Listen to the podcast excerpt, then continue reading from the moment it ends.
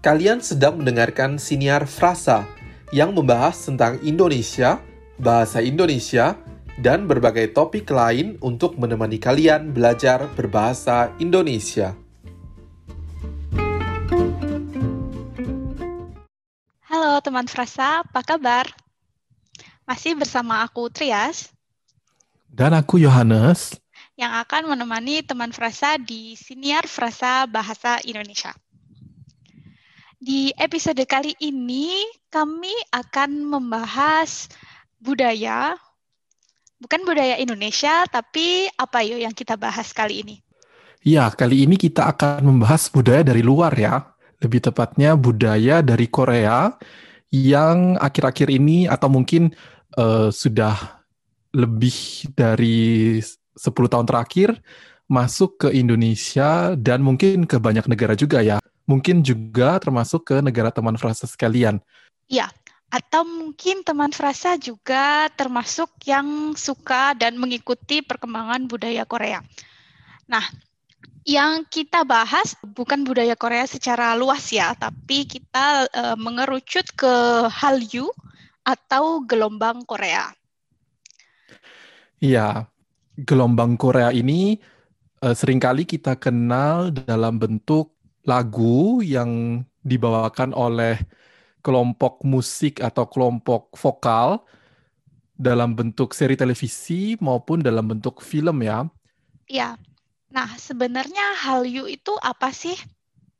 Hallyu diambil dari bahasa Mandarin yang secara harafiah berarti gelombang Korea. Nah, pengertian secara luasnya yaitu popularitas global budaya pop Korea. Dalam hal ini yang kita maksud adalah Korea Selatan ya, seperti yang tadi disebutkan Yohanes melalui musik, drama, dan yang lainnya. Hallyu ini awalnya menyasar publik Cina saja. Jadi mengenalkan budaya Korea Selatan ke Cina dan juga akhirnya ke negara-negara Asia lainnya namun tidak termasuk Jepang karena pada saat itu ada larangan pertukaran budaya antara Jepang dan Korea yang kemudian berakhir pada tahun 2000-an. Dan sekarang seperti yang kita ketahui uh, Hallyu ini sudah mendunia ya. Iya, eh, Hallyu sekarang tidak hanya merambah ke negara-negara Asia, tapi juga ke negara-negara Eropa, bahkan juga ke Amerika ya. Bahkan eh, beberapa grup vokal asal Korea menempati posisi teratas di tangga lagu populer di Amerika ya. Luar biasa sekali gelombang Korea ini. Iya. Nah, ini sejalan dengan tujuan dari pemerintah Korea mendukung Hallyu ini secara masif. Karena eh, tidak hanya akhirnya Korea dikenal budayanya saja, namun juga hal ini menjadi seperti kekuatan tersendiri bagi Korea atau yang biasa kita kenal dengan soft power ya. Seperti Amerika memiliki Hollywood, India memiliki Bollywood, dan ya Korea memiliki Hallyu. Dan kamu tahu nggak, tidak hanya akhirnya dikenal budayanya saja, tapi Hallyu juga berkontribusi besar ke ekonomi Korea di data terakhir yang aku punya eh, tahun 2009 secara keseluruhan Hallyu berkontribusi sekitar 12,3 miliar dolar Amerika pada pendapatan per kapita Korea Selatan. Wow, jadi gelombang Korea ini benar-benar mendatangkan banyak keuntungan ya untuk Korea. Ya sebenarnya tidak mengherankan sih karena sekali kita masuk atau sekali kita merasakan gelombang Korea ini, kita tentu ingin mengenal lebih dalam ya bagaimana kebudayaan Korea. Mungkin kita juga menjadi tertarik dengan makanan Korea. Lalu kita juga akhirnya tertarik untuk mengunjungi negaranya ya.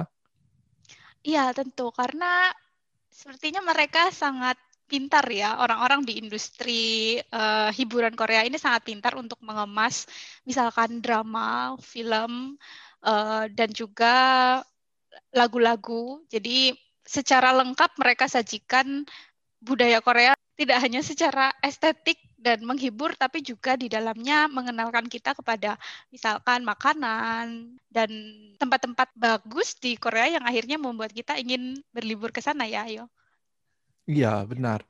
Bahkan tidak jarang juga orang jadi tertarik untuk belajar bahasa Korea meskipun bahasa Korea sebenarnya terhitung sebagai bahasa yang terisolasi dengan jumlah penutur asli yang sebenarnya tidak terlalu banyak ya, tapi kita akhirnya tertarik untuk belajar bahasanya bahkan.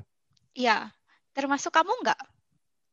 Iya, aku juga termasuk orang yang sangat terdampak dengan gelombang Korea ini.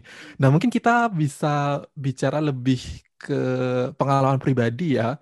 Sejak kapan sih kamu mengenal hal-hal yang berbau Korea ini dan apa yang biasanya kamu nikmati? Apakah kamu suka lagu, seri televisi, atau film, atau apa? Iya. Kalau kapan kenal Korea atau drama Korea, mungkin awal tahun 2000-an ya. Saat itu aku masih SMP dan ya pada masa itu kan televisi masih sangat kita gandrungi ya. Hiburan kita paling banyak dari televisi. Dan di Indonesia ya sebelum masuknya drama-drama Korea itu uh, kita banyak menikmati drama Taiwan, drama India atau film-film India atau juga telenovela. Ya, ya.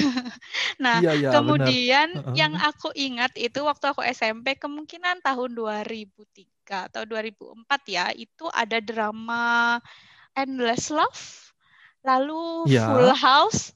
Ya, sepertinya itu drama-drama pertama yang aku tonton.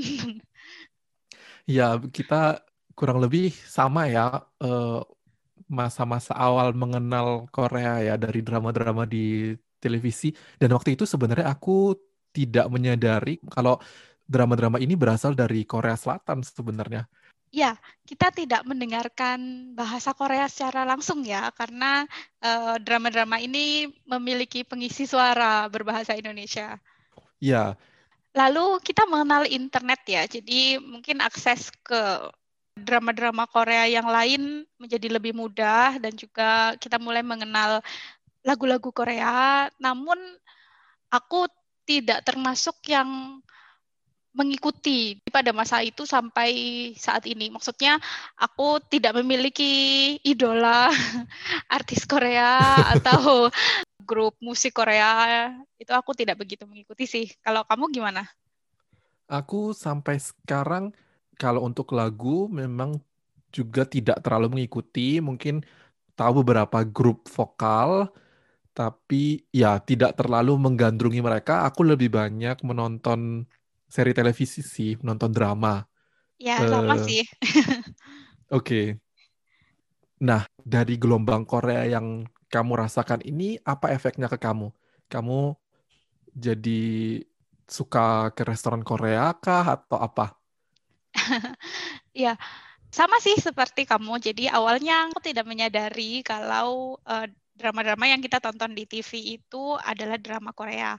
Namun ketika sudah ada akses internet dengan mudah, akhirnya mulai mengunduh drama-drama Korea. Di situ aku mendengarkan bahasa Korea dan aku ingin suatu saat bisa menikmati drama atau film Korea tanpa harus melihat sulit teks yang ada di drama tersebut. Jadi kamu tertarik untuk belajar bahasanya ya, supaya bisa lebih mudah menikmati drama dan mungkin uh, dengan belajar bahasanya kamu bisa lebih mengerti uh, suatu drama dari konteks budayanya juga ya. Iya benar, itu efek pertama ya. Tapi akhirnya aku mengubur keinginan itu karena ya uh, waktu itu aku taunya hanya bahasa Korea menggunakan aksara tersendiri dan aku mengalami kesulitan untuk belajar bahasa baru yang memiliki aksara selain aksara Latin. Ah, oke. Okay. Aku dulu juga sempat agak menolak belajar bahasa Korea karena aksaranya sih. Karena waktu itu aku berpikir bahasa Korea ini seperti bahasa Mandarin yang setiap hurufnya punya arti sendiri dan uh, harus kita hafalkan satu persatu. Tapi lalu jadi agak curhat ya. Waktu kuliah dulu aku punya teman orang Korea yang kemudian mengajari aku membaca huruf Korea dan ternyata huruf Korea ini hanya seperti aksara Latin biasa ya. Jadi kita membaca apa yang ditulis bukan seperti aksara Mandarin. Jadi kemudian aku merasa oh ini sebenarnya tidak sesulit itu dan akhirnya aku mulai melanjutkan mbak belajar bahasa Korea. Ya, ya sama sih. Jadi sepertinya kita tidak boleh skeptis ya ke budaya baru. Harus ya. uh, paling tidak mencari tahu dulu. Ya setelah aku mencari tahu, uh, ya ternyata tidak sesusah itu uh, untuk mengenal aksara-aksara Korea dan ya aku mulai belajar lagi akhirnya. Nah, efek lain liburan ya tentu seperti yang kamu bilang tadi. Ya. Karena uh, karena ya itu apa yang tergambarkan di film atau di drama itu terlihat sangat menarik untuk ya kita lihat secara langsung. Apalagi aku juga suka drama yang berlatar kerajaan atau drama-drama sejarah. Jadi itu uh, salah satu ya. aspek yang menarik. Selain pastinya wisata kuliner ya dan juga belanja uh, produk-produk perawatan wajah. ya sekarang sangat populer ya Korea dengan segala produk perawatan wajahnya yang bisa kita lihat di drama pemain filmnya terlihat kulitnya sangat indah begitu ya. Iya. Dan sebenarnya kan dalam drama uh, itu mereka selalu ada produk-produk sponsor kan, tapi tidak terlalu menonjol. Jadi sepertinya yeah. secara tidak langsung kita juga menjadi korban dari iklan-iklan yang ada di dalamnya. Iya, iya. Oke. Kalau kamu apa? Ada efek lain uh, selain itu tadi ingin belajar bahasa, budaya atau liburan? Ya, aku juga tertarik akhirnya untuk mencoba makanan-makanannya ya. Karena ya dari melihat drama terlihat ada begitu banyak makanan yang uh, asing bagi mata orang Indonesia sepertinya. Jadi kemudian tertarik untuk mencoba dan kebetulan juga uh, saat kuliah ada banyak teman yang juga memiliki ketertarikan yang sama dan untungnya waktu itu di Jakarta sudah mulai banyak restoran Korea yang akhirnya bisa memuaskan rasa ingin tahu untuk mencoba makanan Korea, tapi tetap masih ingin untuk liburan ke sana sih, untuk bisa merasakan yang asli lokal itu seperti apa sih sebenarnya? Iya, ya sih karena kalau menurutku sih dari yang aku lihat dari oh, film atau drama Korea, makanan itu termasuk suatu budaya yang sangat penting untuk masyarakat Korea ya. Karena banyak sekali adegan makan bersama, baik dengan keluarga, dengan teman, eh, atau dengan kolega. Dan ini berbeda dengan karya-karya film atau sinetron di Indonesia yang ada juga adegan-adegan makan, tapi tidak menjadi fokus dari ya dari adegan itu. Sementara kalau aku melihat dari drama Korea itu mungkin kamu memperhatikan atau tidak, tapi selalu uh, kamera seperti ditujukan dulu ke makanannya. uh, dan dan itu yeah. berulang kali akhirnya kita mengenal oh topoki itu yang seperti ini, makanan yang seperti ini. Kalau makanan rumahan itu seperti ini. Sementara kalau di restoran itu mereka sukanya pesan ini gitu. Oke. Okay. Dan mungkin profil rasa dari makanan Korea yang cenderung pedas ya, itu cocok di lidah orang Indonesia karena makanan Indonesia juga sering kali ada kecenderungan untuk ada rasa pedas ya. Jadi sepertinya orang Indonesia bisa cukup mudah menikmati makanan Korea yang meskipun ada beberapa rasa yang berbeda tapi kurang lebih uh, arah-arahnya sama-sama ke arah rasa pedas. Jadinya bisa dengan mudah menikmati gitu. Iya, benar. Kita sepertinya banyak membahas drama atau film ya. Aku sendiri sih karena memang tidak mengikuti uh, produk-produk yang lain, misalkan lagu atau tayangan-tayangan lainnya seperti talk show uh, atau permainan ya dan sebagainya. Kalau kamu uh, ngikutin nggak? Terus gimana kesan-kesannya? Aku untuk lagu lumayan mengikuti ya. Pertama kali benar-benar terpapar lagu-lagu Korea itu ya kembali lagi di waktu perkuliahan ya, yang benar-benar aku tahu oh ini lagu Korea dan bukan seperti sebelumnya yang cuma mendengar tanpa mengetahui ini sebenarnya lagu apa. Jadi itu di sekitar tahun 2010-an sudah banyak uh, grup Korea yang terkenal di Indonesia dan kelompok kelompok vokal ini sering kali menyanyi sambil menari juga ya. Akhirnya banyak orang Indonesia yang menirukan tarian ini dan sejak saat itu akhirnya aku makin sering mendengarkan lagu-lagu Korea dan menarik sih sebenarnya. Ya, lagu-lagunya banyak yang mudah didengarkan ya sehingga akhirnya jadi hafal dan akhirnya ikut aku jadi ikut menyanyi meskipun tanpa tahu arti liriknya. Ya, Aku sih kalau mendengarkan lagu Korea sebatas lagu-lagu yang menjadi latar original drama atau lagu-lagu film atau lagu-lagu yang memang sedang populer ya di Indonesia. Karena misalkan ada sebuah lagu baru yang terkenal uh, itu akan diputar misalkan di supermarket atau di tempat-tempat umum yang lainnya. Akhirnya iya. ya hmm. kita secara tidak langsung ya terpapar itu tadi. Iya, jadi selain drama dan selain grup musik, Korea juga memiliki banyak acara hiburan atau variety show atau reality show yang menampilkan komedi khas Korea juga ya.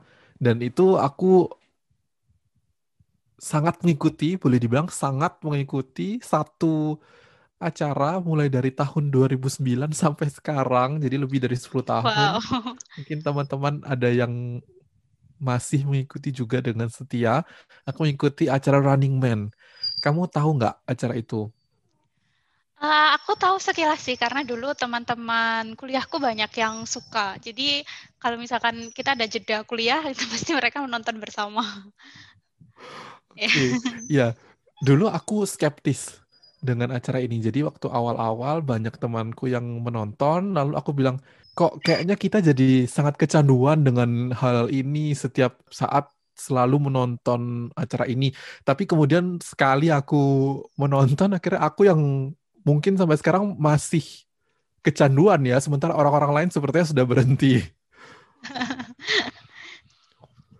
uh, apa yang menarik menurutmu sehingga kamu bisa setia lebih dari 10 tahun? Um, apa ya? Mungkin karena aku mengikuti dari awal ya, dari episode 1, jadi aku mengenal masing-masing orang yang ada di acara ini.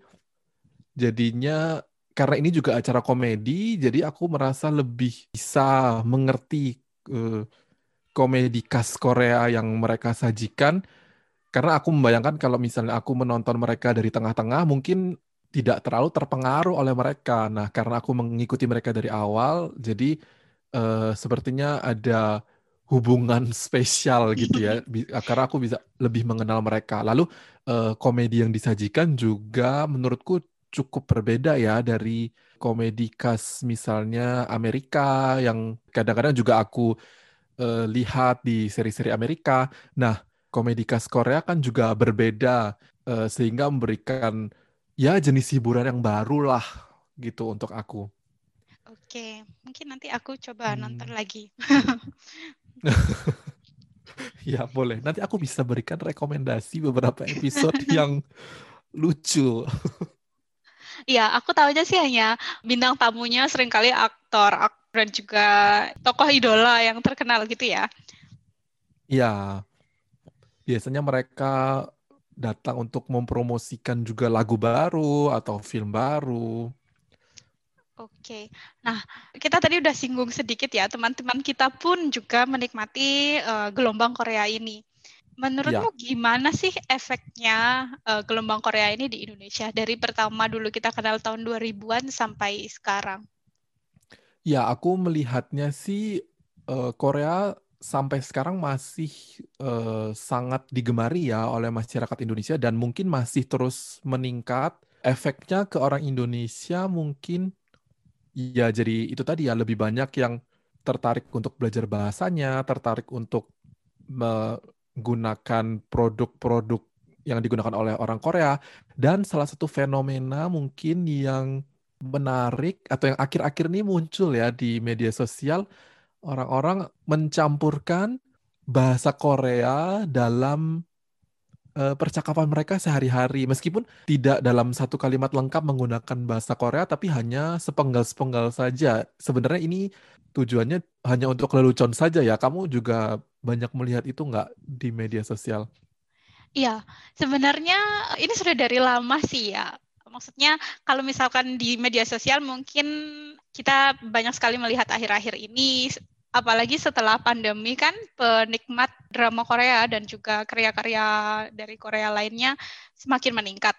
Namun aku melihat sejak dulu, sejak zaman okay. kuliah dulu, uh, teman-temanku kalau bicara sudah mencampurkan kata-kata Korea di percakapan mereka sehari-hari, terutama mereka yang sesama penikmat uh, drama Korea. yeah. Jadi misalkan sapaan mereka kemudian menjadi bahasa Korea atau misalkan menyanyikan lagu ulang tahun tidak lagi selamat ulang tahun dalam bahasa Indonesia, tapi mereka menyanyikannya dalam bahasa Korea. gitu. Iya. Lalu kata-kata sapaan untuk orang lain tidak lagi menggunakan sapaan seperti kak, tapi akhirnya menggunakan kata seperti opa dan iya, teman-temannya benar ya. sekali. benar itu aku sudah mengalami sejak kuliah dulu. Nah, kalau aku, ya. nah menurutku dulu ini teman-temanku ini terbagi menjadi dua. Jadi yang suka Korea dan tidak suka Korea, tidak ada yang di tengah-tengah. Jadi kalau misalkan memang dia sudah uh, suka uh, mengenal budaya Korea seperti yang kamu bilang tadi kan susah untuk tidak melanjutkannya. Jadi akhirnya mereka yeah. benar-benar terjun dan mengenal hampir semua produk-produk Hallyu ini. Sementara teman yang di sisi lain melihat seperti apa sih nonton Korea jadi kecanduan dan sebagainya. Saat itu aku termasuk yang ya hanya sekedar tahu saja tapi aku tidak banyak nonton drama uh, karena aku tahu kalau sekali aku nonton drama nanti tidak bisa berhenti. Jadi sebenarnya suka okay. tapi membatasi karena alasan itu. Selain itu karena ini ya Indonesia kan merupakan pasar yang sangat besar bagi industri ini. Jadi Iya. Ya, uh, jadi uh, akhirnya sangat berkembang ya dan peminatnya semakin banyak hingga saat ini. Iya, bahkan sebelum pandemi kemarin banyak juga ya eh, grup-grup Korea yang mengadakan konser di Indonesia dan penontonnya luar biasa banyak. Iya, jadi memang banyak sekali penggemar yang uh, berdedikasi gitu ya. Jadi iya, tidak hanya iya, jadi tidak hanya mendengarkan karyanya tapi mereka juga uh, misalkan kaos dan Ya, ya atau pernak-pernik yang berkaitan dengan kelompok musik favorit mereka. Ya, untuk menunjukkan bahwa mereka benar-benar fan yang yang setia gitu ya. Iya, aku jadi ingat salah satu temanku, teman kos waktu itu di Surabaya. Jadi kosnya itu benar-benar penuh foto-foto artis Korea, kemudian dia juga mengoleksi CD dan buku-buku dan juga hal-hal lain uh, sampai buku catatannya dia itu semua berbahasa Korea. Jadi wow. benar-benar fans sejati. Nah, ngomongin penggemar nih. Kamu penggemarnya siapa? Atau kamu punya nggak aktor atau ya penyanyi favoritmu? Kalau untuk penyanyi favorit sepertinya sih tidak ada ya, tapi ada satu tokoh di Korea yang aku sukai dan ingin bertemu untuk sekedar foto misalnya itu ada satu yaitu uh, Yu Jae-sok atau yang dikenal sebagai ya MC nasionalnya Korea, orang yang sangat terkenal. Kamu tahu dia? Uh, enggak sih, aku enggak begitu menghafal nama. Tapi mungkin kalau melihat wajahnya aku tahu, oh yang ini gitu. Ya, dia salah satu dia boleh dibilang tokoh utama sih di Running Man. Ah, oke. Okay. Ya, sepertinya aku eh, tahu saja wajahnya.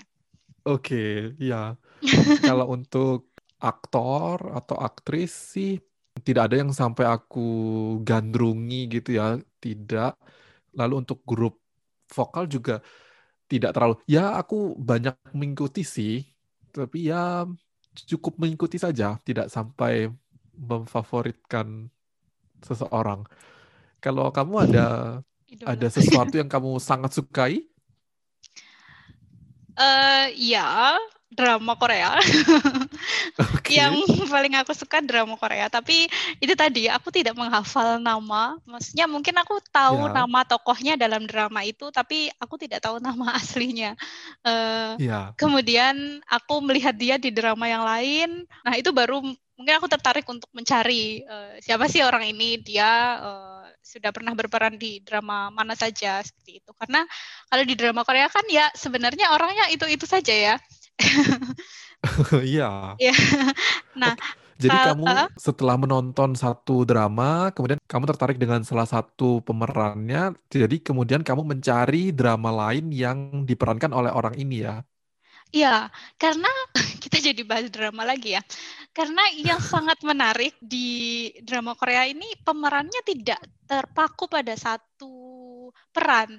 Eh, berbeda dengan tokoh-tokoh di sinetron Indonesia ya yang aku tahu ada salah satu uh, artis yang memang perannya untuk tokoh antagonis.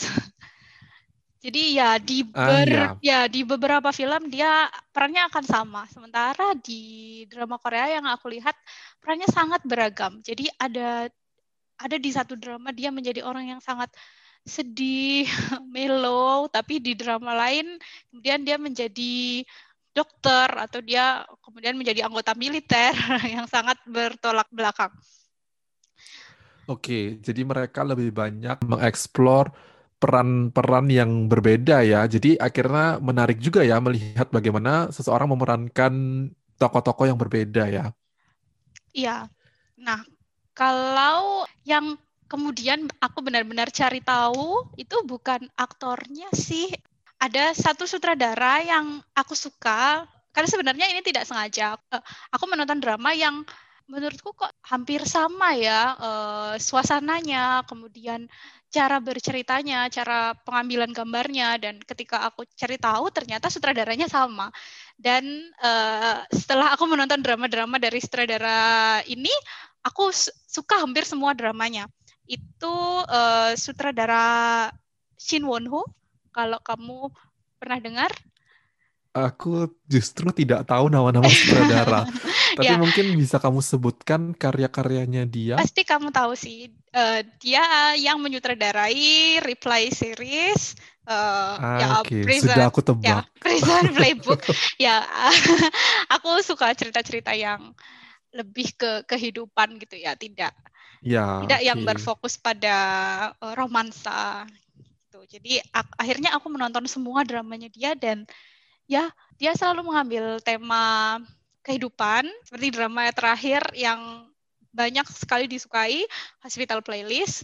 Di situ dia tidak hanya menceritakan tentang dokter yang menjadi tokoh-tokoh utama dalam dramanya, tapi juga banyak sekali hal-hal yang kemudian dibahas misalkan bagaimana kehidupan pasien, bagaimana detail-detail yang ada di rumah sakit itu ya seperti yang aku lihat di drama-drama dia yang lain, uh, dia selalu detail di setiap aspek dramanya.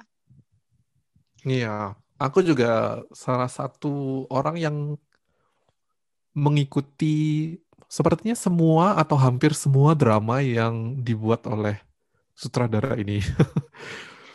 Iya sih, uh, kalau misalkan kamu uh, suka drama tentang kehidupan, pasti akan suka hampir semua dramanya. Tapi uh, kalau misalkan teman-teman lebih suka drama yang memiliki apa ya, maksudnya konflik yang benar-benar nyata, mungkin drama-drama dari sutradara Shin Won Ho ini bukan drama yang cocok ya, karena konflik yang ada di dramanya itu bukan satu konflik besar yang kemudian akan diselesaikan uh, sampai episode terakhir dan kemudian nanti happy ending.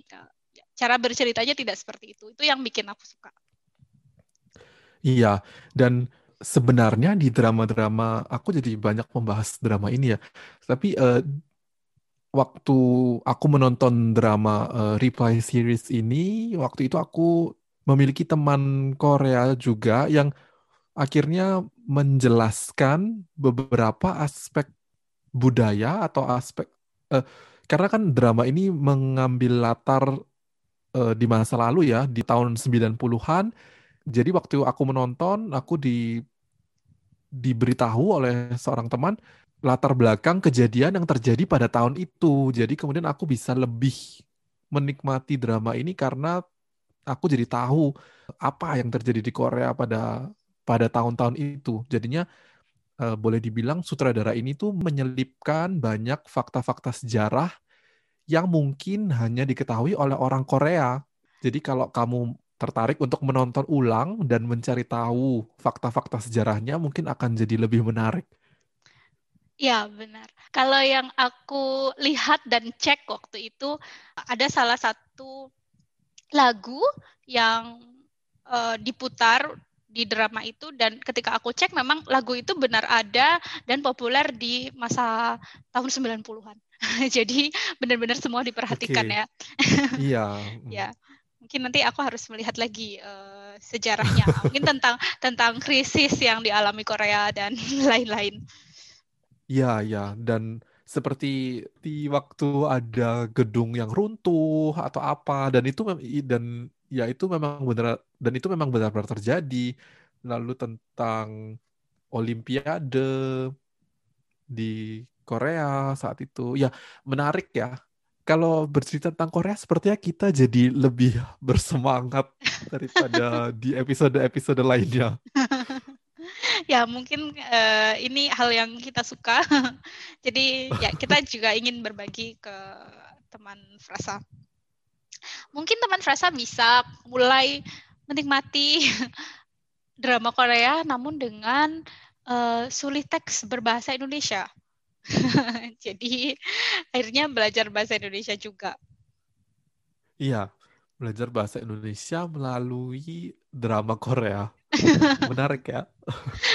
Iya, ya semoga sih nanti kita bisa memiliki uh, banyak juga drama atau sinetron ya kalau di Indonesia yang berkualitas dan akhirnya bisa menjadi sarana kita untuk memperkenalkan budaya Indonesia ke dunia.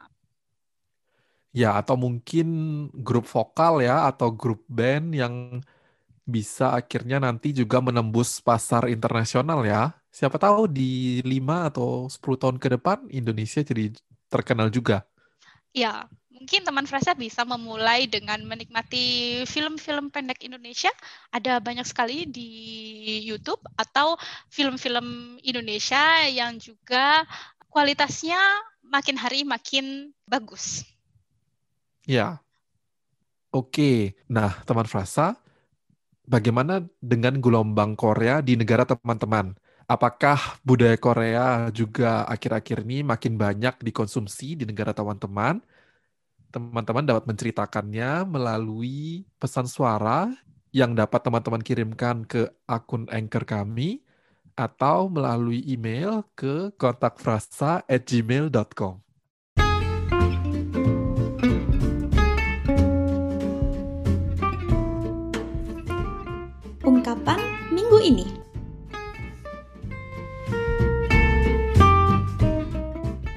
ungkapan minggu ini adalah kata budaya. Budaya memiliki banyak arti. Yang pertama, kebiasaan yang sukar diubah. Misalnya dalam frasa budaya terlambat. Budaya juga bisa berarti hasil pikiran atau karya, seperti dalam frasa budaya batik atau budaya pop. Selain itu, Kata budaya juga bisa berarti adat istiadat, seperti dalam frasa budaya lokal.